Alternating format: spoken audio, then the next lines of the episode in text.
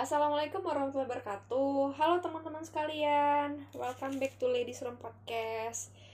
Jadi di episode kedua kali ini Kita mau ngobrol-ngobrol santai nih. Topiknya tuh tentang beasiswa pokoknya. Kebetulan aku lagi kedatangan teman. Jadi teman aku ini spesial banget Cile Jadi teman aku ini namanya Kak Debi panggilannya jadi Usut punya Usut KDB ini salah satu penerima beasiswa loh. Kepo nggak beasiswa apa? Kalau kepo ya udah deh langsung aja kita sapa orangnya. Halo Kadep. Hai hai. Jadi gimana kabarnya Kadep? Aku baik, Baik, di tengah pandemi alhamdulillah. Oke. baik. Tadi ke sini naik apa? Jalan kaki. Oke, jadi sebenarnya honestly KDB ini teman kosan aku di lantai tiga. Kita cuma beda lantai, Just kita sering ketemu di dapur. Iya benar. Jadi ketemunya di dapur. Jadi dia lagi main ke kamar aku. Kita tag podcast di kamar aku. eh jadi gimana Kadep? eh eh, tadi udah ya kabarnya ya. Lanjut aja. Oke. eh aku mau nanya-nanya nih Kadep. Gak apa ya kita nanya-nanyain kamu. Boleh boleh. Mau nanya apa nih? Em, Kak mau kenalan dulu dong. Eh tak kenal maka tak sayang katanya Iya. kan. Jadi mau kenalan dulu. KDB asalnya di mana dan S1 eh S1-nya di mana sih kemarin? Oke. Halo semuanya. Kenalin nama aku Debi. Aku asalnya itu dari Batu Sangkar. Kalau kamu tahu, Batu itu di Sangkar itu- Sumatera Barat. Sumatera Barat ya. Iya, kalau kemarin aku S1-nya di UI. eh, Jurusan Fakultas Kesehatan Oh iya, Masyarakat, jurusannya Keselamatan dan Kesehatan Kerja. Oke, berarti sebenarnya kita satu kampus tapi beda angkatan ya Kak. Debi angkatan berapa? Jangan ngomongin angkatan lah, ketahuan Iya, banget kan? nanti. Gak apa-apa kali. Yang penting di atas kamu beberapa tahun masih Oke. 17 plus plus aku aku. Sip just information aku kemarin di UI 2013 berarti bilang saja lah Kak Debi 2015 ya 2016 Oke eh, kemarin Kak Deb aku dengar-dengar Kak Deb itu dapat beasiswa S2 gak sih? Iya kan? Iya benar. Oh, boleh cerita nggak Kak Deb S2-nya di mana? Oke. Kalau aku kemarin itu S2-nya di The University of Auckland di New Uh-uh. Zealand. Wow hebat banget Eh, Jurusan apa Kak? Jurusannya Disaster Management. Wow, kalau Manajemen. disaster management tuh ini ap- apa sih mempelajari apa gitu ya? Nah, itu tentang Selalu. kebencanaan kalau di Indonesia Oh, gitu. mana- manajemen bencana kalau di pemerintahan itu lembaganya ada BNPB kalau di pusat terus Uh-uh. kalau di daerahnya itu BPBD jadi kerjaan kita itu uh, istilahnya memanage mempelajari lah terjadinya bencana kan itu Oh, ada oke. fase-fasenya itu ada sebelum bencana Mm-mm. Sedang bencana, setelah bencana, terus nanti juga ada kayak fase namanya 4R. eh, reduction, recovery, eh, respon, Uh-uh. satu lagi lupa. Oke, oh nggak apa-apa. Satu lagi apa? readiness. Readiness. Oke. Uh-uh. Berarti intinya ilmu yang mau pelajari tentang bencana gitu. Iya, dari Oke. mulai misalnya pencegahannya, nanti pas saat bencana itu apa yang harus Oh. dilakukan. Yang jelas kita uh, tujuan utamanya itu Mhm. meminimalisasi uh, dampak baik Mhm. pada manusia yang menjadi korban ma- maupun pada aset atau lingkungan gitu. Oh, oke oke. Menarik banget ya sebenarnya kayak jurusannya KDB ini karena kayak seperti yang kita tahu Indonesia itu langganan bencana Iya, ya. makanya itu dibilangnya Indonesia itu uh, wilayahnya Ring of Fire Oh, dikenalnya. oke, Jadi oke. di sini itu pertemuan lempeng yang mengakibatkan Indonesia itu setiap tahunnya langganan berbagai macam bencana mulai dari gempa bumi, gunung Hmm. meletus, banjir, Iya sih, tanah iya longsor, semuanya Hmm. ada di Indonesia. Jadi kayak uh, bisa dibilang juga Indonesia itu laboratoriumnya bencana. Ya Allah, oke baik. Jadi kayak tahun ini aja kita Kalau selain bencana alam juga ada bencana pandemi ya ya itu pandemi itu Oke. bencana non alam nah karena alam. background aku tadi kesehatan Oh. masyarakat jadi di sini eh, disaster management ya Mm-mm. membahas pandemi gitu oh gitu oke juga ya menurut aku jurusan ini penting banget sih ya untuk di Indonesia ya tentunya harus Tentunya. punya alumni alumni yang ahli gitu ya di di jurusan ini harusnya jadi menurut. Kadep itu kalau misalnya mau ke jurusan ini apakah emang harus dari FKM atau dari berbagai Enggak. jurusan bisa jurusan manajemen bencana itu multidisiplin jadi semua jurusan kayaknya bisa belajar manajemen bencana kalau teman-teman aku kemarin Mm-mm. ad, eh, tergantung ada orang yang dari teknik sipil Mm-mm. dia Mm-mm. eh, fokusnya lebih ke istilahnya namanya recovery jadi setelah terjadinya bencana Mm-mm. Uh, ada yang namanya build back better. Jadi kayak misalnya gempa nih, kan udah Hmm. melulu lantakan suatu misalnya kota atau pemukiman gitu. Jadi kayak orang teknik sipil fokusnya membangun lagi kota itu Oh. lebih baik dari yang sebelum terjadinya bencana itu. Terus ada juga teman aku yang kemarin kerjanya kayak di BMKG, yaitu dia Hmm. lebih ke iklimnya gitu. Jadi kayak dari sisi ya dari sisi istilahnya hazardnya sumber bencananya. Jadi kayak kan kalau di BM, BMKG itu juga kalau aku nggak salah dia mau monitor kayak gempa gitu juga kan. Terus Iya lebih sih, ke iya cuaca iklim gitu. Oh, terus ada juga orang Hmm. finance temen aku. Jadi ya udah ke jadi bisa dari berbagai jurusan ya multidisiplin. Mm-mm. ada juga yang orangnya orang sosial. Jadi Oh. lebih ke mah uh, pendekatannya dia lebih ke masyarakatnya jadi kayak bisa jadinya mengedukasi masyarakat Wow, terhadap iya bencana atau Heeh, uh, penting- ada penting juga sih, yang penting. kayak uh, kalau kalau di Auckland kan ada nama suku suku aslinya di sana namanya suku Maori gitu oh, oh iya. jadi kayak ada juga pembelajaran bencana dari kayak istilahnya mitos atau cerita-cerita legendanya suku Maori itu. Jadi kayak ada Hmm. juga pembahasan tentang itu gitu. Mm-mm. yang belajarnya orang arts atau antropologi gitu tapi lebih ke kebencanaan dari segi sosial gitu. Oh gitu. oke oke menarik ya. Kalau misalnya nggak tahu ya kalau misalnya sekarang itu mahasiswa itu melihat jurusan itu eh, tentang prospek ke depannya gitu loh. Kalau menurut kak Debbie eh, untuk jurusan ini prospeknya bagus nggak sih ke depan gitu loh? Apakah menjanjikan secara finansial misalnya ke depannya? Tergantung menurut sih. Ya. Tergantung sih. Ka- kalau di Indonesia sendiri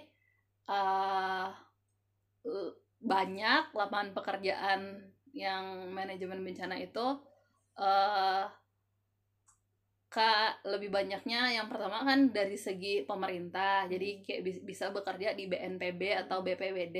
Mm-mm. Terus bisa juga misalnya di LSM Mm-mm. atau misalnya Mm-mm. apa istilahnya NGO. Mm. Itu sangat dibutuhkan sekali ahli-ahli manajemen bencana Mm-mm. bahkan misalnya eh, apa namanya orang dari berbagai macam latar belakang karena apa bisa dibilang bencana ini urusan semua orang gitu jadi kayak eh, orang banyak ingin berkontribusi Mm-mm.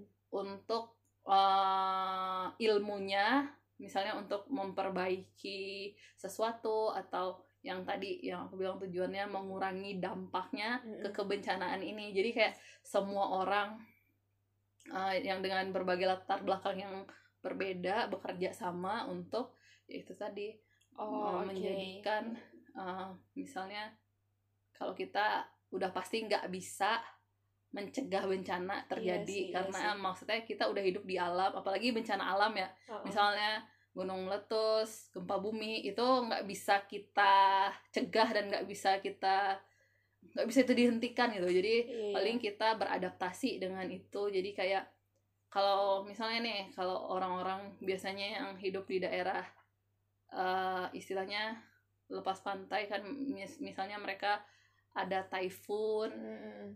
itu misal bulan-bulan apa gitu jadi kayak Hmm. mereka udah siap-siap jadi Oh, oke oke. untuk survive di saat bencana itu jadi kayak Iya sih. supaya meminimalisir korban gitu Jadi berarti kayak intinya jurusan ini tuh sangat dibutuhkan banget ya. Jadi kayak nggak usah ragu akan prospek ke depannya gitu karena Mm. akan selalu dibutuhkan gitu ya sampai sampai apa Iya, sampai selama masih selamanya selama masih ada bencana masih dibutuhkan. Jadi kayak Oke. tergantung kamu masuknya dari Ah. sisi mana, mau sisi dari pemerintah. Heeh. Yang tadi kalau aku misalnya sekarang eh, kerjanya itu dari sisi akademisi, jadi Mm, kayak kerjanya di lembaga riset kampus Oke. gitu atau Mm. ke sisi yang tadi eh, ke ke LSM Mm, mm. atau NGO NGO yang tugasnya emang membantu masyarakat supaya eh, istilahnya bis- bisa mengedukasi tentang eh, istilahnya pengetahu meningkatkan pengetahuan dan kesadarannya akan bencana gitu Mm. kalau seperti itu. Oke, back to the topic ya. Tadi itu kayak kita mengulas sedikit tentang jurusan KDB, tentang jur- jurusan manajemen bencana. Nah, kalau kalian ini eh, kepo, nanti bisa ditanya-tanya lebih lanjut tentang jurusan ini ya. Nah, kita mau balik ke topiknya lagi. Tadi kan kita nanya-nanya tentang beasiswa gitu. Jadi Kak, kemarin gimana sih ceritanya bisa dapat beasiswa New Zealand ASEAN Scholarship ya kalau nggak salah ya? Iya, jadi aku kemarin kuliah di Auckland itu satu setengah tahun. Ada uh, biayanya itu pakai beasiswa dari pemerintah New Zealand. Jadi Oh, oh, namanya gimana sih caranya kak itu? NZ at New Zealand Aid gitu kan karena Hmm. uh, Indonesia itu apa namanya tergabung dalam ASEAN. Jadi aku kelompok beasiswa na- namanya New Zealand ASEAN Scholarship. Jadi beasiswa yang untuk negara-negara ASEAN. Selain oh iya, iya. ASEAN juga ada uh, yang untuk New Zealand Pacific Scholarship gitu, NZPS Oh, gitu-gitu dan oke. Ada juga yang kayak dari Karab Karabian Hmm. gitu. Oke, kak tahu informasi beasiswa ini dari mana sih? Jadi waktu itu oh ini sejarahnya sedikit ya. Jadi Ah. kayak pas aku 2016 udah berhenti dari kerja terus aku ke sini Hmm, hmm. itu tujuannya ya udah udah selesai udah nyobain kerja di satu perusahaan Hmm. terus mau nyari beasiswa kan. Nah, untuk dapat beasiswa kita harus punya biasanya IELTS apalagi Oke, misalnya IELTS penting banget sih. Uh-uh. kayak LPDP tuh. Uh-uh. Dia harus ada IELTS, ada LOE baru bisa daftar gitu. Uh-uh. IELTS, LOE, apa tadi satu lagi? Baru bisa daftar. Oh iya, iya, oke. LOE, Iya. IELTS. LOE. Itu kalau untuk LPDP. Uh-uh. Nah, kalau jadi ceritanya aku kemarin ya udah belajar IELTS dulu, udah tes kan. Jadi aku Heeh. udah punya sertifikatnya Oh, nih. in- pertama IELTS dulu ya. Tapi ini oke. kondisional sih, beda-beda Kondisional tiap ya. beasiswanya. Khusus untuk ini deh, yang kakak. gitu. NZAS. Iya. Kalau NZAS ini eh, nggak harus ada IELTS-nya dulu sih, Oh gitu. karena nanti kamu em, biasanya dia buka aplikasinya awal tahun, jadi sekitar rentang Januari Februari gitu. Mm-mm. Jadi itu pendaftaran eh, administrasi.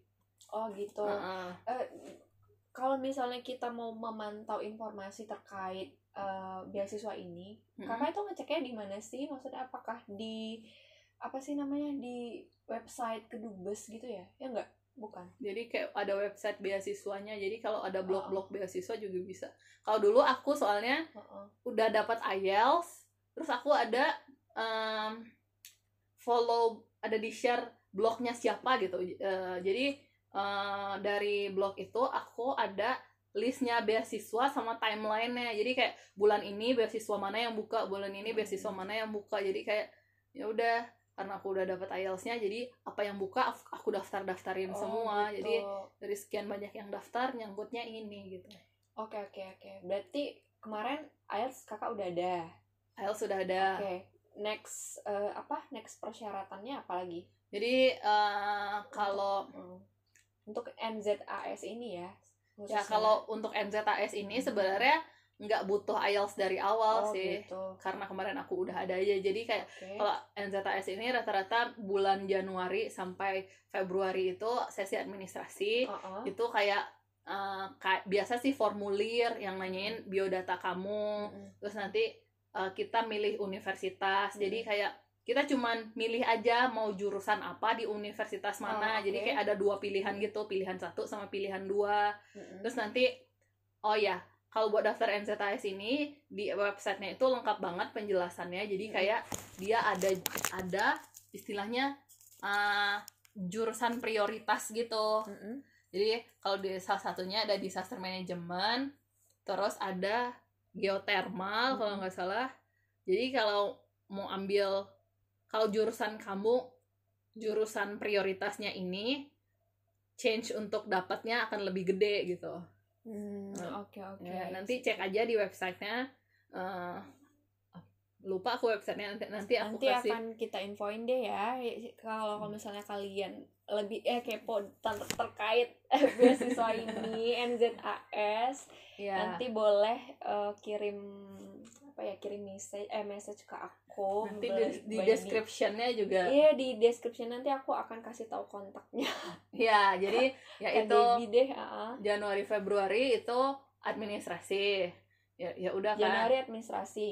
Ya Januari kayaknya Januari sampai Februari itu eh masaknya itu. Jadi oke. kayak harus submit dalam jangka itu.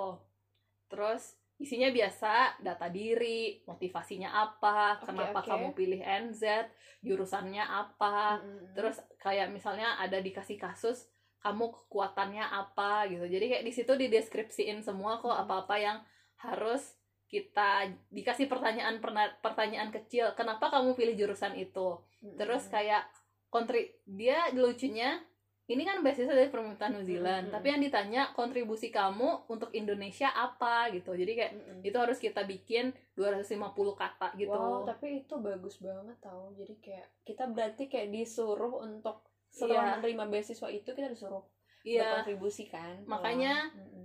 eh ini ada kontraknya Hmm. kontraknya dalam artian eh, kalau nggak salah 2 n plus dua dua tahun kalau nggak salah oh dua tahun. jadi Hmm. eh, setelah aku menerima beasiswa NZAS ini aku harus menyelesaikan pendidikan. eh, istilahnya diharapkan itu kembali ke Indonesia selama 2 tahun jadi aku visa NZ aku dibekukan selama 2 tahun aku nggak boleh ke sana untuk menetap Mm-mm. Tapi aku hanya bisa misalnya kalau visitor kalau oh, oke. eh, Visitor itu untuk beberapa Tiga bulan aja kalau ya. nggak Oh, salah. iya, benar-benar. jadi kalau aku untuk tinggal lama di NZ nggak Hmm. boleh jadi kayak itu berlakunya dua tahun setelah aku lulus Oh gitu, oke Heeh. sip.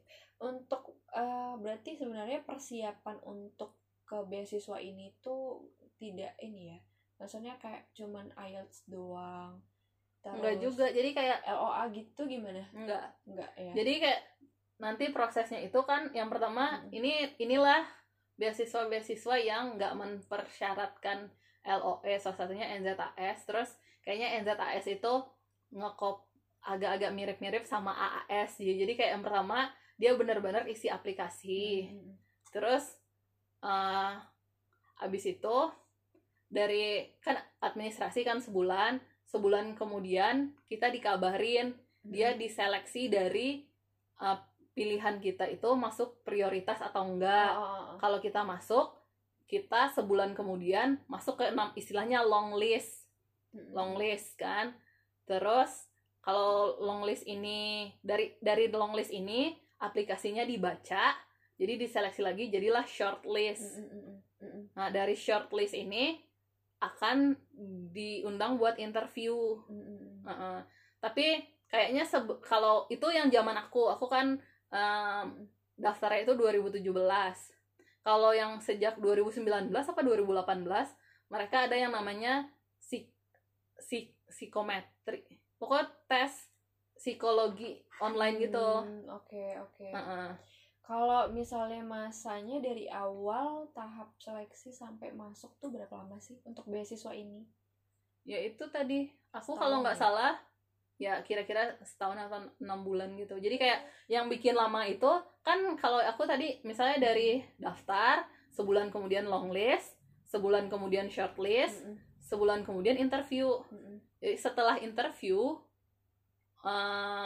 kit eh setelah apa sebelum interview kayak setelah interview deh itu karena aku udah ada baru IELTS tahapnya Mm-mm. karena aku udah ada IELTS, aku cuman submit IELTS terus udah kalau buat teman-teman yang belum punya IELTS di dibayarin tes sama dia. Jadi kayak dia kerja sama sama Hmm. IELTS Jakarta sama IELTS Oh, Surabaya. dibayarin juga ya. Enak Iya. Jadi kayak ada teman aku yang belum belum ada tes di di didaftarin tes. Tesnya ini gunanya ada dua. misalnya kalau kamu kalau kamu tesnya langsung lulus ya udah berarti maksud langsung lulus itu sesuai dengan uh, persyaratan iya, yang di- skor yang di- skor yang dipersyaratkan oleh Oke. jurusan kamu. Kalau kamu cukup ya udah kamu lang- bisa langsung urus ke tahap selanjutnya. Kalau kamu belum cukup itu juga jadi placement test. Jadi kayak em, kan itu eh, placement test untuk kita ada pelatihannya gitu kalau untuk ini Mm-mm. misalnya kalau kamu belum cukup misalnya rata-rata IELTS-nya itu enam setengah kalau kamu belum cukup ada pelatihannya yang disediakan ada yang tiga bulan ada yang enam bulan IELTS-nya itu dibayarin sama beasiswanya Hmm, Nah, itu setelah wawancara kalau nggak salah. Baiklah. jadi kalau aku kemarin kasusnya karena udah ada IELTS aku submit IELTS aja terus uh, setelah submit IELTS itu baru ketahuan itu di di email lagi sama dia ada tiga uh, kriteria kelulusannya itu yang pertama prefer habis itu uh, satu lagi apa wait kayak kayak lulus sama cadangan sama decline gitu Mm-mm. Pref- preferred reserve sama decline Mm-mm. yang prefer ini kan yang Iya, diutamakan benar. semuanya udah lengkap Ah, ah. yang reserve jadi kayak masih menunggu kalau misalnya yang prefer banyak yang mundur Mm-mm. berarti yang reserve-nya naik gitu kalau decline kan emang gak keterima gitu Hmm, jadi teman-teman aku juga banyak yang reserve Hmm. naik gitu karena Hmm. yang eh, atas-atasnya misalnya udah dapat beasiswa yang lain atau Oh, nggak I jadi oke. gitu Oke, usut punya usut nih katanya katanya kak Debbie ini nggak cuman ngeplay ini kan, maksudnya pasti punya tadinya tuh ngeplay yang lain juga gitu nggak sih? Dan ini tuh sebenarnya cadangan atau yang utama nggak sih? jadi dari 2000 Ngeplaynya nih mulai 16. dari mana nih? 2016 2016. jadi kan Heeh. uh, untuk beasiswa beasiswa yang nggak harus ada IELTS-nya dulu nih jadi kayak aku udah pernah apply cobain chevening itu Ah. dua kali kalau nggak salah tapi kata Gagalnya di mana? kata teman-teman ya nggak tahu cerita-cerita sama teman itu karena jurusan aku bukan prior prioritinya chevening Oh, karena aku ambilnya itu uh, jurusan sama sama jurusan S1 aku Hmm. jadi keselamatan dan kesehatan kerja Heeh. Terus aku juga udah pernah AAS kali apa dua kali itu kayak dua, Ah. semuanya itu administrasi aja nggak lolos. Oh iya. Mm-mm. Oh, oke, Terus Ada juga aku pas berbarengan sama NZ8 ini juga daftar LPDP yang Mm. 2017 itu Mm. sampai interview nggak lolos di inter- nggak lolos di interview. Oh. Jadi kan pas interview itu kita ada interview eh, FGD sama Ah. esai. Jadi Iya, iya. nggak lolos aku itu. Oh oke oke baiklah. Oke o- kalau misalnya ini udah ceritanya udah dapat beasiswa nih, Heeh. kan? Jadi sebenarnya aku dikasih tahu aku pref- preferred itu dapat beasiswa sekitar bulan Agustus September. Heeh. Heeh, jadi setelah itu ya udah di, di di di sini itu namanya diurusin sama ada kerja sama beasiswanya itu namanya scope global gitu. Jadi kayak kita benar-benar eh, setelah dapat beasiswanya Heeh. di dikonfirmasi lagi kamu tetap sama pilihan jurusan dan universitas pilihan pertama kamu atau gimana gitu aku konfirmasi iya aku di email sama universitasnya "I- ini Debbie katanya kamu udah dapat ini terus silahkan isi aplikasi gitu Oh, Jadi, ya ya udah di isi aplikasi baru dapat LOA gitu. iya Oh oke. jadi apa istilahnya beasiswanya yang notify ke universitasnya jadinya gitu loh Oh, I Jadi see, aku- see. tapi bisa juga tergantung beasiswa kan karena Oh. aku beasiswanya dari New Zealand universitasnya dari New Zealand mungkin kayak gitu tapi mungkin untuk beasiswa beasiswa lain ada yang harus LOE dulu gitu jadi kondisional sih nggak Hmm. bisa disamain gitu Oh gitu. Nah kan katanya tadi ada eh, beasiswa ini mengutamakan beberapa jurusan gitu kan, maksudnya Iya. jurusan-jurusan tertentu gitu. Nah salah Iya. satunya mungkin jurusannya eh salah satunya jurusan KDB pasti dong. Nah Heeh. ada jurusan lain gak sih yang kira-kira KDB tahu ya yang ditamakan tuh Kalau- apa? kalau nggak salah eh, teman aku itu banyak yang geothermal. Eh, terus ada juga beberapa yang public policy. Public policy terus? Heeh, terus geo- geologi gitu-gitu masih ada juga kayaknya. Oh iya. Teman tapi tergantung sih. Emang ada yang jurusan prioritas misalnya yang banyak disaster management di angkatan aku ada aku ada dua sebelum aku ya, yang intake sebelum aku jadi sebenarnya di offline itu intake-nya ada dua kali. Semester ganjil sama Februari sama Juli. Semester ganjil sama semester genap. Jadi kayak aku, aku kan intake-nya Februari. Jadi aku ketemu sama teman yang intake tahun sebelumnya gitu. Ada juga terus ada juga yang intake aku ketemu juga sama intake Julinya setelah aku gitu. Jadi kayak dari jurusan disaster management lumayan ada beberapa. Terus yang paling banyak itu jurusannya geothermal oh karena iya, kalau nggak ya. salah Hmm. NZ itu geothermalnya nomor 2 setelah eh di ah, apa, Aberdeen apa apa gitu jadi kayak oh oke jadi kayak kalau geothermal kata temen aku setengah kelasnya orang Indonesia dari Oh. beasiswa NZAS Oke oke oke oke sip.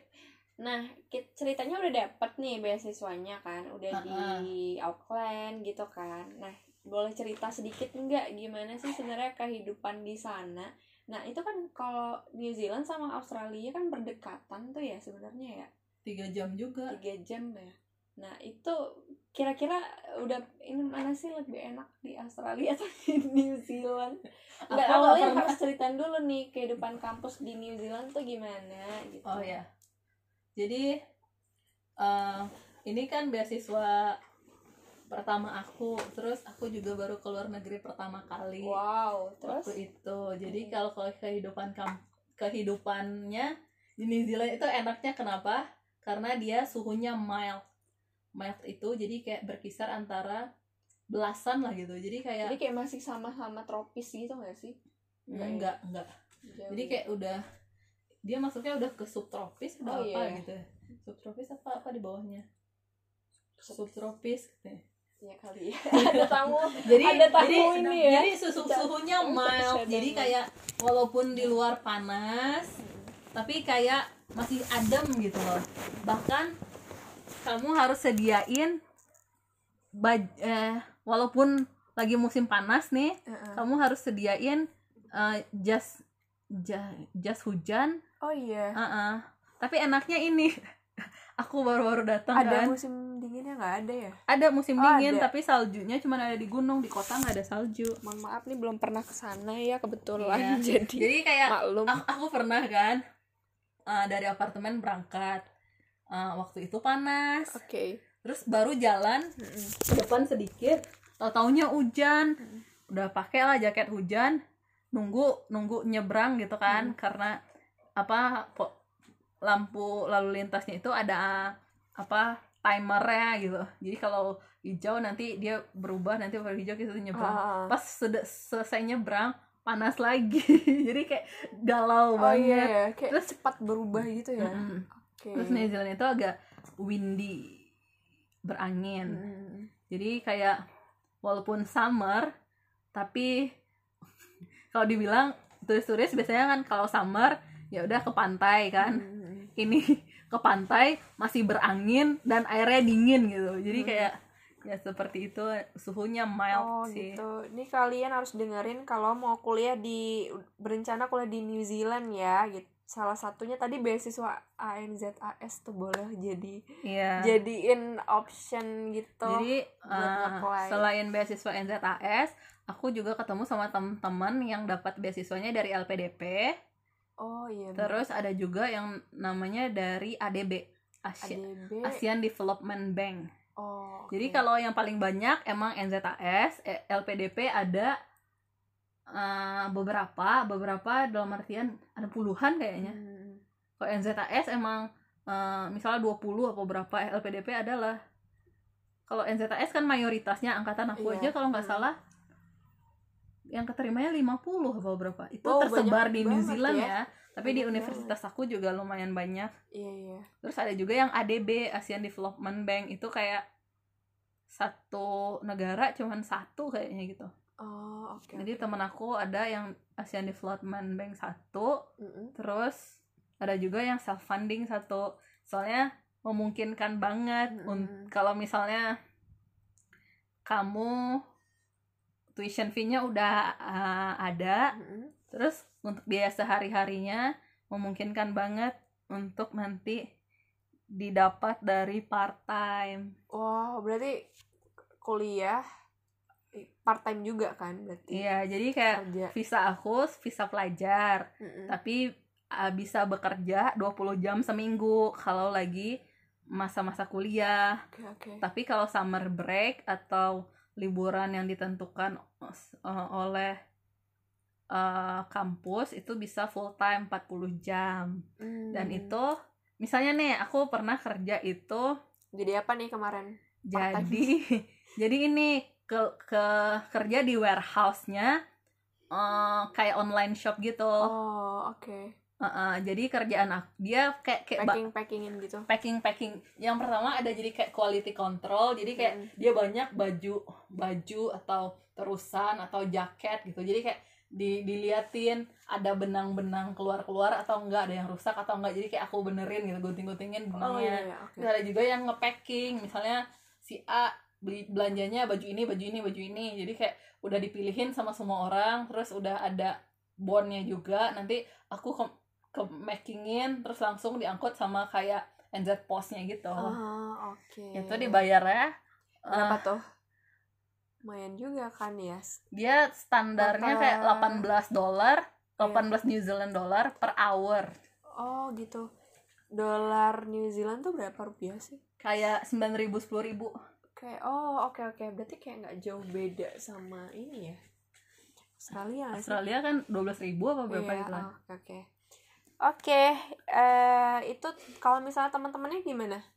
kalau teman-temannya sosialisasi, ya sosialisasi sama teman-temannya di sana gimana sih? Jadi kalau aku kemarin karena baru pertama keluar negeri Ah. takut ya jadi aku tinggalnya sama orang Indonesia jadi kayak yang pertama kali itu aku awalnya eh, kan udah jadi kayak sebelum berangkat di bulan Januari aku ada pelatihan nih dari beasiswanya itu di IAF Surabaya waktu itu jadi kayak persiapan keberangkatannya itulah istilahnya Oh, dua minggu Oke, oke, oke. jadi aku udah kenal beberapa teman-teman aku jadi kayak aku ber istilahnya bersepakat ya bareng gitu ya, teman-teman aku berjanjian untuk gitu. bareng gitu Mm-mm, kan. mm-mm.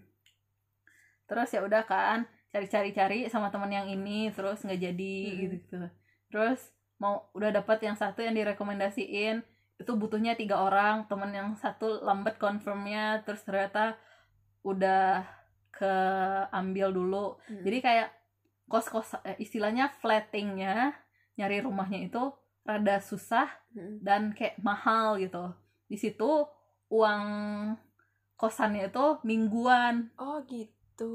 jadi kayak Oke. kalau kalau dari beasiswanya sendiri eh, eh, apa aja yang di cover yang pertama kan tiket PP Mm-mm. dari eh, rumah aku Mm-mm. tergantung aku nulisnya di mana aku nulisnya di Padang eh Mm. kalau yang pergi aku nulisnya di Jakarta jadi tiket Jakarta Mm-mm.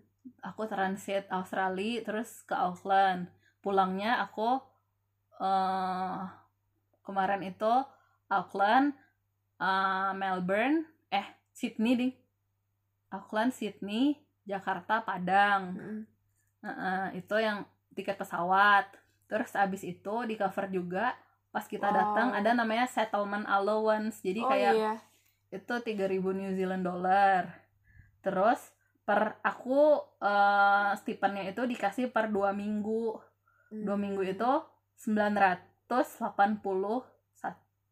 Oke. Berarti 980. benefit yang didapat tuh satu uang tiket pesawat, terus yang kedua uang apa ya? Settlement allowance itu kayak orang uang kedatangan lah gitu. Oh, Jadi kayak kedatangan. kamu nyari nyari apa namanya nyari kosan, Ah, nyari oke, oke, beli-beli kebutuhan baru datang. Itu baru datang aja atau kayak bulanan gitu? Itu baru datang aja Oh, baru namanya datang settlement aja. allowance. Mm-mm. Nah kalau yang eh, uang rutinnya itu aku per dua minggu. Oh per dua minggu. Heeh. Kalau untuk kebutuhan kampus gitu kayak buku-buku gitu masih nggak sih? Eh, kalau buku-buku aku nggak ada, jadi kayak Heeh. kalau tuition fee aku langsung dibayarin sama Ke kampus beasiswanya ya? ke kampus. Oh oke oke. Terus ya udah settlement allowance 3000 di awal, habis itu stipendnya per dua minggu. Oh, Tapi gitu. nanti eh, ada juga yang ya istilahnya uang tutorial, Hmm. uang proofread gitu itu ada bisa lagi diklaim per mahasiswa itu per mahasiswa itu kalau nggak salah setahun seribu kalau nggak salah jadi kayak Hmm. misalnya nih aku lagi bikin paper jadi kayak eh, karena bukan native speaking speaking eh, bukan native speaker bahasa Inggris aku Iya. butuh proofread jadi Ah. untuk bayar proofread itu ada lagi bisa diklaim uangnya itu jadi kayak nanti kita bikin istilahnya kan ada proofreadnya itu orang yang native nanti kan ada bonnya nanti itu kita klaim gitu Hmm, gitu. Oke, Uh-uh. oke.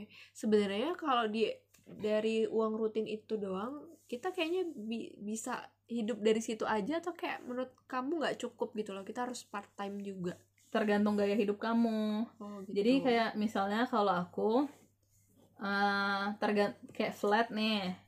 Pas awal-awal aku berdua kan sama teman aku dapat dapat flat yang berdua itu eh 210 eh 210 ya.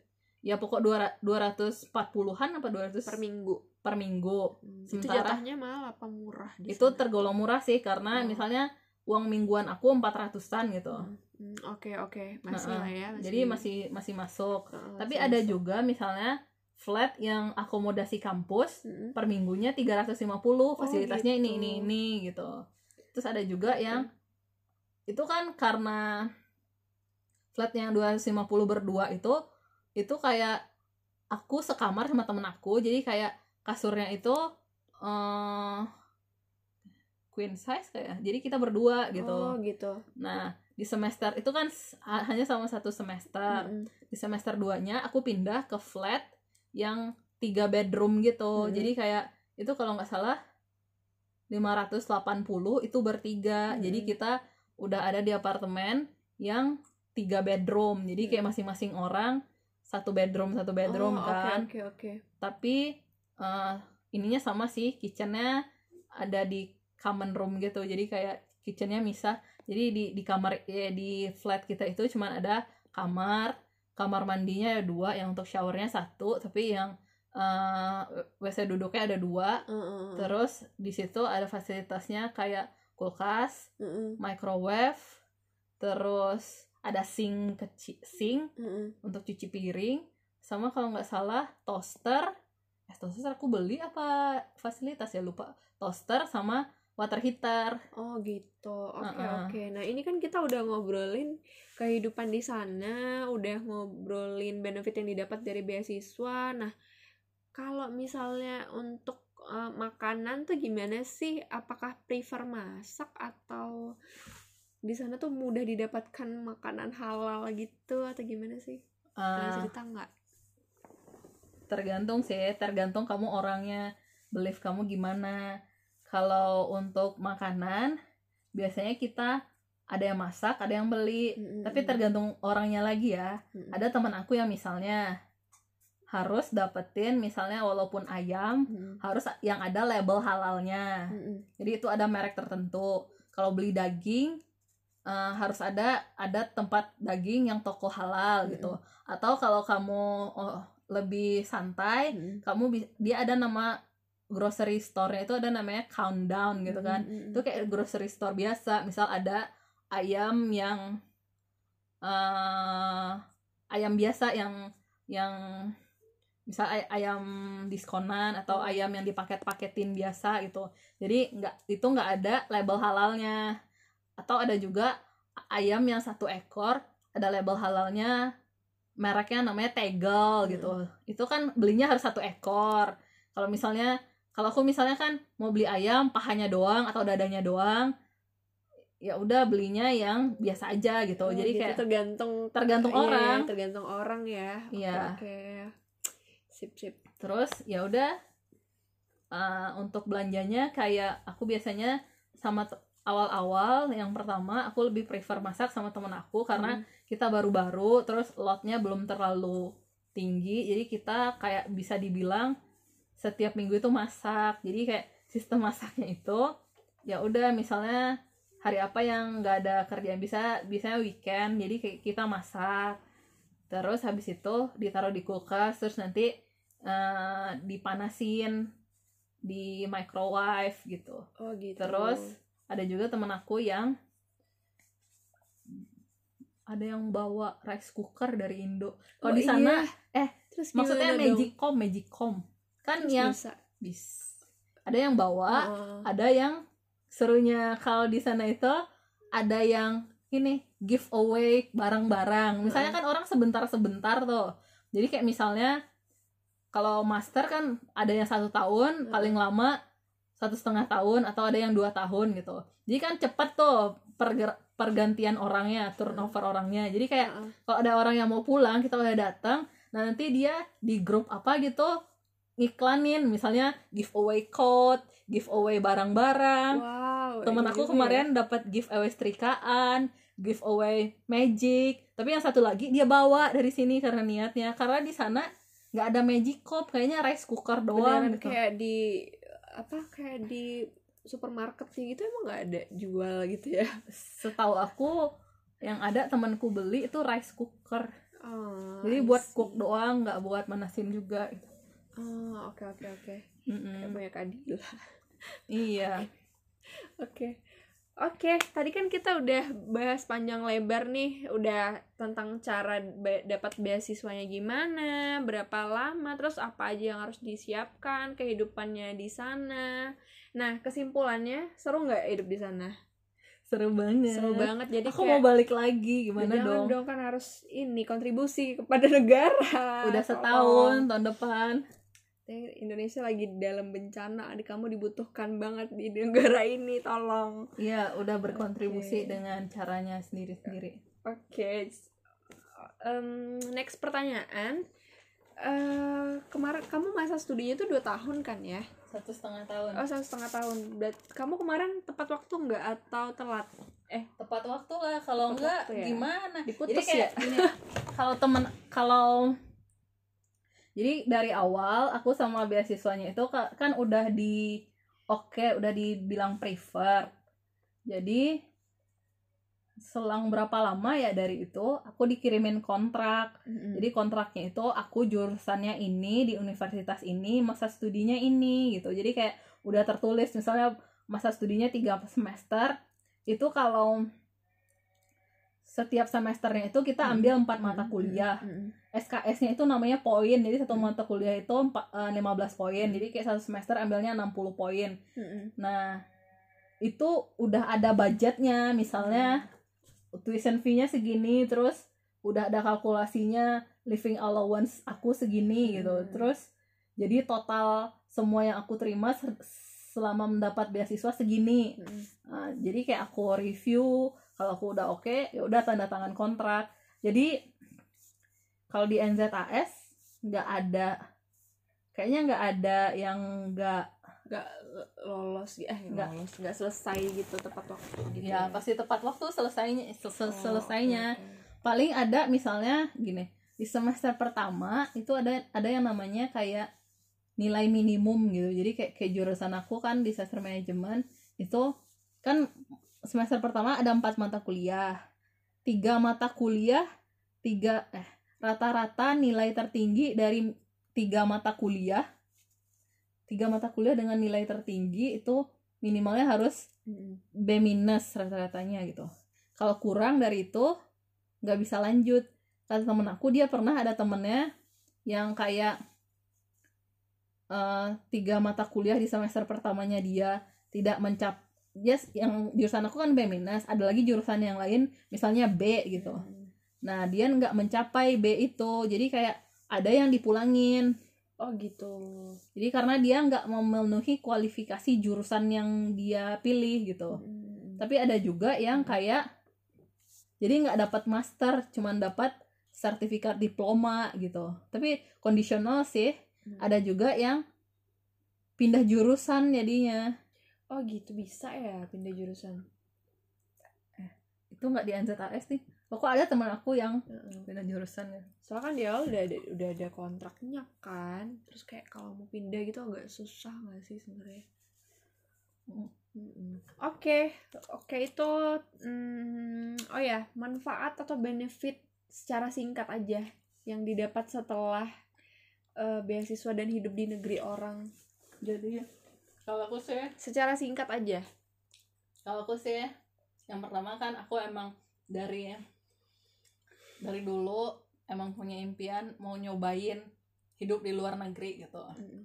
hidup di luar negerinya itu nggak mau cuman liburan aja. Misalnya kamu punya duit sekian ya udah liburan ke luar negeri seminggu dua minggu gitu. Kamu kan hanya bisa ngerasain kayak seminggu itu aja. Tapi aku pengennya ke negara empat musim terus nyobain semua musimnya gitu. Jadi kayak pergantian dari satu musim ke satu musim yang lain. Kayak aku ya amatin kayak gitu jadi makanya nggak dari awal ngot ngotot nggak ngotot juga sih niat banget mau kuliah ke luar negeri gitu Hmm. ini manfaatnya di aku aku udah mewujudkan mimpi aku tapi Oke. balik balik lagi sih kemarin itu negaranya nggak ada saljunya jadi kayak aku belum pernah ngerasain salju di tengah kota nih Hmm. kalau kemarin itu ada salju tapi kita harus ke gunung gitu oh iya, iya. jadi kayak hujan salju di tengah kota itu impian aku terus kemarin aku jalan-jalan ke Korea mau salju di tengah kota ternyata nggak ada salju. Ya udah ntar kamu habis pandemi ke sana lagi deh ke mana? Yang ya ada lah nanti aku pikirkan lagi. Oh. jadi itu manfaat. Ma- salah satu manfaatnya aku bisa mewujudkan keinginan eh mimpi aku. Heeh. yang kedua itu kayak ngerubah mindset aku. Jadi kayak misalnya mindset yang gimana toh? Jadi nggak tahu sih Eh, kalau aku misalnya nih kalau kamu anak daerah terus kamu misalnya ke ibu kota nih ke Jakarta jadi kayak eh, istilahnya kecintaannya ke daerahnya itu meningkat gitu. Maksudnya kamu jadi lebih menghargai lebih apa-apa. berjiwa nasionalisme ya, gitu nasionalisme sih? nah kalau kalau ke luar negeri itu kecintaannya kamu ke Indonesianya gitu. Hmm. jadi kayak eh, kayak nggak ada yang seindah di kampung halaman. Ya ada kangen-kangennya gitu lah. Ya, kangen gitu terus ya, ya, oke. kayak lebih menghargai gitu. Ah, terus sama lebih mengapresiasi gitu. Terus lihat juga gimana kehidupan orang tapi eh, yang jelek-jeleknya jadi ke, nge- ngebanding-bandingin tapi kan nggak boleh kayak gitu. Mm-mm. terus ini sih eh, lebih terbuka eh, lebih open minded aja open gitu minded ya. aja jadinya. Jadi kayak Mm-mm. Ini sih eh kebetulan kan ceritanya sedikit di sana aku kan pas di sana yang lagi ada bom bom itu kemarin oh iya eh yang, yang orang di, tembak-tembakan yang di Australia yang di Apa? New Zealand Oh, kan pas aku lagi di ya. sana ada kasus yang di Christchurch tuh Mm-mm. ya yang di Christchurch ada kasus oh iya orang yang lagi ada itu kemarin informasi. Mm-mm. Uh, insiden itu orang di masjid di tembakin. Itu boleh diomongin secara frontal nggak sih? Pokoknya ada insiden itulah Iya, gitu. Lah. mungkin Jadi kalian kayak- bisa flashback lihat berita ya tolong. Ya jadi kayak uh, jadi nggak tahu sih karena ini apa namanya di dunia digital kayaknya itu nggak boleh diomongin secara frontal gitu. Mm-mm. Jadi kayak yang ada insiden itu kemarin jadi kan aku lagi di sana tapi walaupun kita berbeda Mm-mm. jadi kayak kita berkerudung itu nggak dibeda-bedain gitu aku lebih dihargain gitu walaupun aman berarti ya yang pakai Iya. jilbab gitu ya aman Mm-mm. kan salah satu tujuannya mau ke New Zealand karena dia negara teraman sebelum ada insiden itu Mm-mm. kemarin gitu Heeh. terus santai aja misalnya dari kampus pulang-pulangnya malam-malam gitu Mm-mm. lewat Mm-mm. terus terus orang-orangnya juga yang ini sih. welcome kan welcome gitu. baik-baik kok Heeh.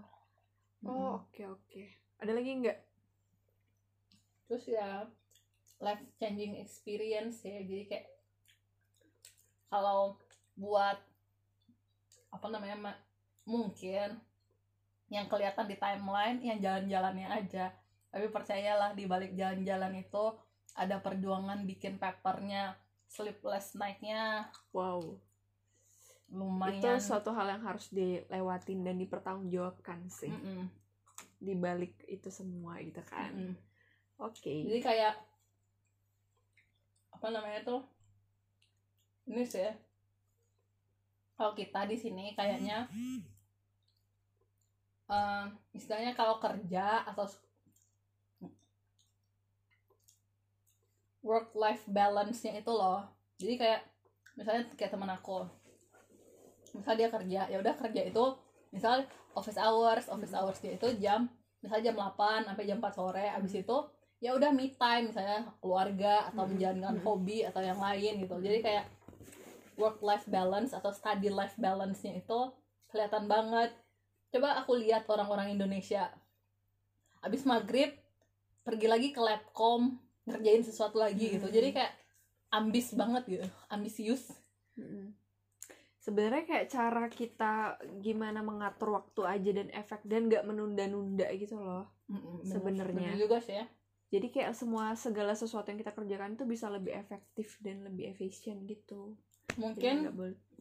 karena juga Mungkin kayak kita ke sana ya, istilahnya emang khusus belajar saja uh-uh. jadi kayak balik lagi kalau mau ke misalnya kita kalau punya tempat yang mau dikunjungi maksudnya di hari itu misalnya ada kegiatan yang mau dikunjungi atau tempat yang mau dikunjungi boleh mungkin ada tapi misalnya kalau nggak ada kalau cuma di flat doang juga nggak ngapa-ngapain ya mungkin memaksimalkan waktu yang ada gitu ya Oh oke, baik baik baik.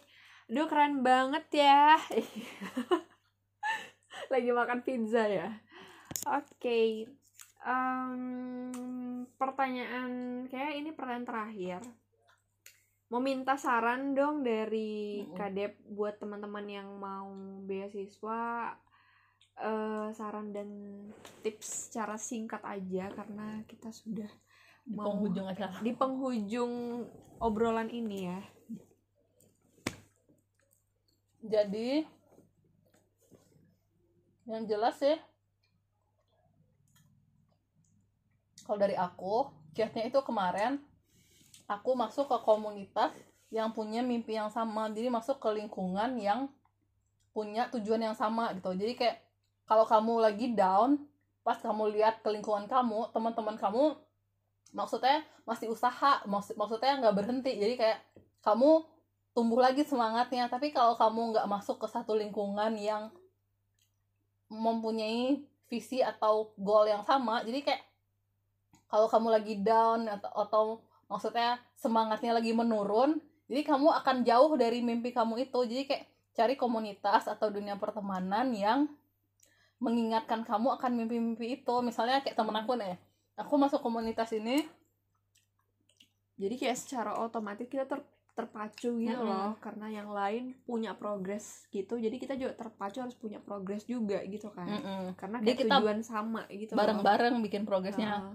aku masuk komunitas ini waktu baru-baru ke Jakarta situ jadi kayak komunitas belajar IELTS gitu Mm-mm. terus pas di situ ya udah 2016 kan Mm-mm. ah, mulai tuh 2016 akhir apa 2017 Mm-mm. udah ada teman-teman aku itu yang satu-satu oh udah terima LPDP terus dia di Australia Mm-mm. udah diterima di AAS dia di Mm. Australia Mm-mm. terus ada juga yang oh akhirnya dia di UI aja di Universitas Indonesia Mm. tapi kayak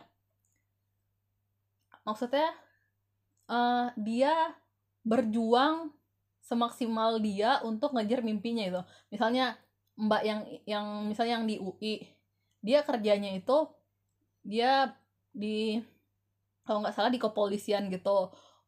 Eh, perjuangannya gigih untuk dapat beasiswa.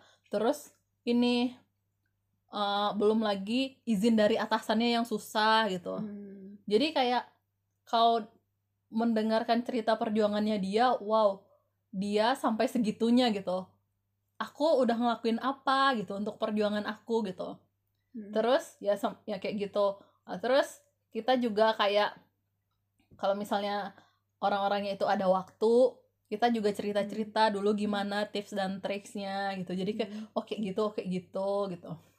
Terus ada kalau dari dosen aku bilangnya selama lo nggak berhenti lo akan cepat atau lambat akan nyampe di sana. Jadi kayak misalnya 2016 teman-teman yang itu 2017 aku mencoba peruntungan juga terus lolos berangkat 2018 terus setelah aku ada lagi yang 2019 teman aku berangkat ke Budapest Mm-mm. terus 2020 ini ada juga kayak tiga orang ada yang di UI ada yang di Scotland ada yang di Budapest juga gitu jadi kayak Mm. ya berada di komunitas yang kalau ka- yang yang punya mimpi yang sama gitu loh. Oh, oh, aduh, ini Gitu sih. ini kunci banget sih sebenarnya. Iya. Ya kan? Jadi kamu diingatkan Intinya, terus untuk ah. itu gitu.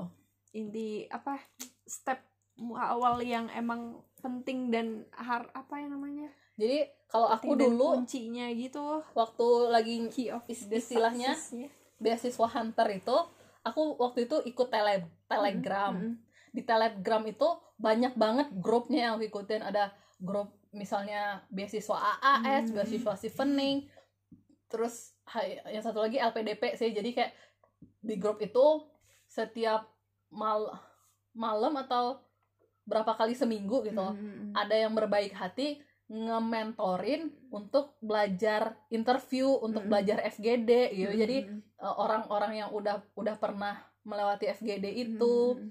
udah pernah di interview sebelumnya kayak Mm. dia mau ngegayat yang lain untuk eh ya di interview gitu. Jadi kayak Mm. misalnya aku lupa apa nama aplikasinya. Pokoknya dari telegram Mm. itu kita dipindahkan ada ke aplikasi chat gitu. Mm-mm. aku lupa namanya apa. Di situ ada room roomnya gitu. Misalnya untuk room A mbaknya akan kasih pertanyaan. Misalnya kan di LPDP suka ada kisi-kisinya itu yang udah banyak bertebaran di internet. Jadi misalnya pertanyaannya itu tentang eh misalnya ke ke ke kewarganegaraan gitu. Terus ada pertanyaannya tentang sosial gitu. Jadi kayak kamu bebas bisa mantau di room yang mana. Jadi kayak waktu itu misalnya ada misalnya dari berapa volunteer volunteer itu dia malam itu akan membutuhkan volunteer yang mau diwawancara sama dia misal tiga orang atau berapa orang gitu.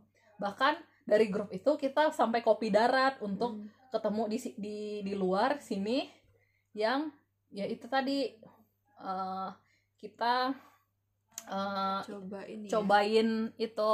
Jadi cobain bersama gitu. Oh oke oke oke. jadi se- ya itulah sama berkumpul sama orang-orang yang sesatu visi satu misi. Tapi Jadi- balik lagi ada satu hal yang selalu dibilang sama kayak ada dosen aku gitu IELTS terus kan ada misalnya lagi belajar terus ada yang bilang sibuk atau nggak punya waktu. Sebenarnya kalau dilihat dia itu bapak itu sebenarnya dosen. Dosen di beberapa universitas IELTS waktu itu dia lagi S3 juga. Kalau dibilang sibuk dia juga sibuk gitu. Tapi balik lagi nggak ada yang namanya sibuk itu tergantung prioritas. Kalau menurut kamu itu penting kamu akan make times untuk doing ini gitu loh. Mm. kalau betul betul. Nggak ada yang namanya sibuk. sibuk ya Iya. yang ada tuh lo lo memprioritaskan itu apa enggak gitu ya. Iya. Oke. Oke itu sih kunci kuncinya terus satu lagi ini. Benar. jadi intinya jangan menyerah gitu. Jadi kayak asalkan lo bergerak Mm-mm. walaupun jalannya lambat cepat atau lambat Terus, akan uh-uh. nyampe gitu. Yang Iya penting sih. jangan berhenti gitu.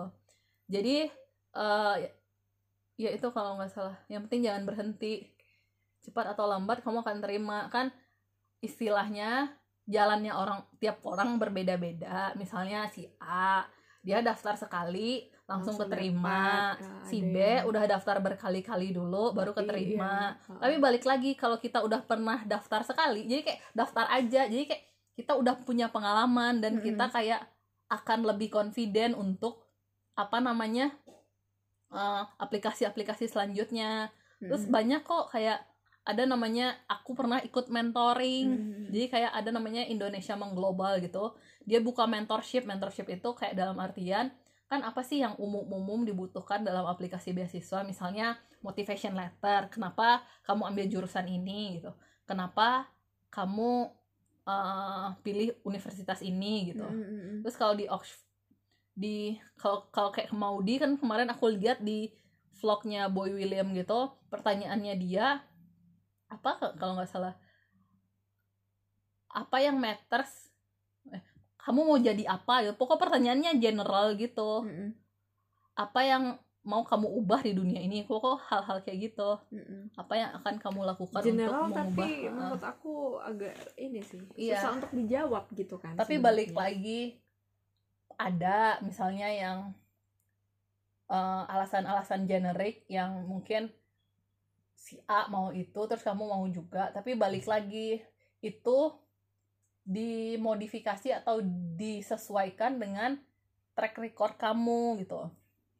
Misalnya kan kalau aku waktu di LPDP dulu ada aku lihat blog atau lihat video YouTube gitu yang paling apa namanya akan di yang peluangnya paling ini misalnya jadi dosen atau apa gitu tapi dari kamu liatin kalau memang kamu mau jadi dosen apa yang udah kamu lakukan untuk mencapai itu misalnya kamu internship kamu jadi asdos kamu jadi itu gitu Hmm. bisa kamu jadi dosen maksudnya kamu tulis kamu jadi dosen Mm-mm. jadi kayak udah ada misalnya pekerjaan Iya, kamu bener-bener. kayak atau kamu volunteer kayak jadi kayak istilahnya bikin CV gitu loh ah, ah. Heeh. terus salah satu yang jadi inspirasi aku ada yang namanya Kak Budi Waluyo gitu Mm-mm. jadi Kak Budi ini dia orang Bengkulu. Jadi kayak aku eh, ini banget sama ceritanya dia. Jadi kayak eh, dia itu orang Bengkulu. Mm-mm. jadi dia S1-nya di bahasa Inggris gitu. Jadi kayak eh, English literature apa-apa jurusannya TESOL gitu kalau nggak salah namanya.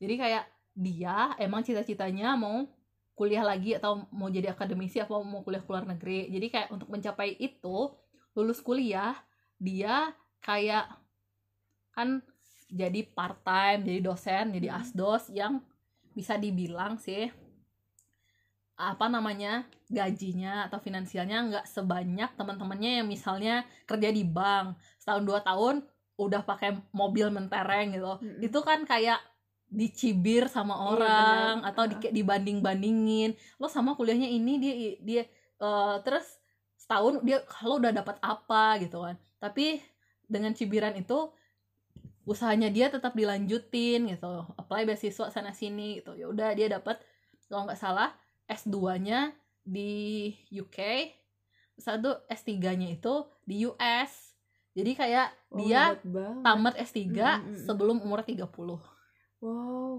keren Heeh. banget. Ya. Nah salah satu salah satu eh, disertasi S2 eh, tesis S2-nya kalau nggak salah tentang gimana pembelajaran online ke daerah-daerah pedalaman gitu. Jadi kayak dia waktu itu bi- bikin namanya sekolah TOEFL online. Jadi kayak Mm-mm. dia ngasih nge-share materi-materi TOEFL yang bisa dipelajari melalui waktu itu ada websitenya ada Facebooknya dia Hmm. ngebahas gitu. Jadi kayak kita belajar online gitu. Jadi kayak gratis aku ikutin. Terus dia juga share tips-tipsnya dia. Jadi Hmm. kayak mo- apa namanya dia kasih share motivation letter S2-nya Hmm. motivation letter S3-nya terus kayak contoh proposal S3-nya gitu jadi kayak cari aja misalnya orang-orang yang udah pernah berhasil terus banyak kok yang share Hmm. tentang uh, apa namanya pengalaman-pengalamannya dia di internet jadi kayak tinggal dicari aja terus download terus nanti bikin yang kayak dia uh, kayak kayak itu kayak jadi Hmm. contoh kita gitu Mm-mm. jadi Oke. itu cari cari pertemanan cari hero jangan berhenti itu aja sih. Oke. Semangat. Semangat teman-teman yang mau beasiswa S2 atau S3 ke luar negeri ya lebih tepatnya. Soalnya kita udah dengar cerita dari Kak yang benar-benar gamblang dan panjang lebar. It, eh, untuk kalian yang mau ke New Zealand atau yang tertarik banget sama beasiswa NZAS ini kalian bisa kontak langsung ke aku atau nanya-nanya langsung ke aku karena nanti akan aku sambungkan juga ke Kak Debbie dan akan bantu jawab pertanyaan-pertanyaan kalian. Yang penting jangan patah semangat, eh, jadiin prioritas ya. Terus yang Iya. pertama tadi yang paling penting adalah nggak ada gabung yang ke namanya komunitas sibuk itu. Iya. Iya. Nggak ada yang namanya sibuk dan gabung ke komunitas yang satu tujuan sama kalian gitu, yang sama-sama mau dapetin beasiswa juga. ya Gitu. jadi Oke. motivasinya terus ya. Jadi kalian termotivasi terus terpacu terus dan ya gitu karena lingkungan mempengaruhi kita kan kalian tahu sendiri ya. Gitu. Ya. semangat guys. Semangat guys. Jadi di depan kita ini udah ada makanan jadi kita rencananya kita mau makan dulu. Nggak usah dibilang kali bye bye ya udah. Closing closing gimana? Udah. Oh iya ya udah gitu aja. Oke gitu aja Sampai jumpa teman-teman di podcast selanjutnya. Ya gitu aja teman-teman di Ladies Room Podcast. Semoga eh, di episode selanjutnya kita bahas hal-hal yang lebih menarik lagi. Semoga aku bisa ngobrol-ngobrol sama orang-orang yang eh yang lebih berpengalaman lagi ataupun dengan pengalaman-pengalaman lainnya gitu ya. Nanti kita bisa sharing dan ceritakan di sini. Oke dadah. Selamat malam semuanya. Eh, kebetulan ini direkamnya malam ya selamat malam.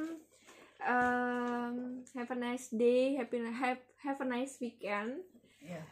assalamualaikum warahmatullahi wabarakatuh. Dadah semua. Dadah. buat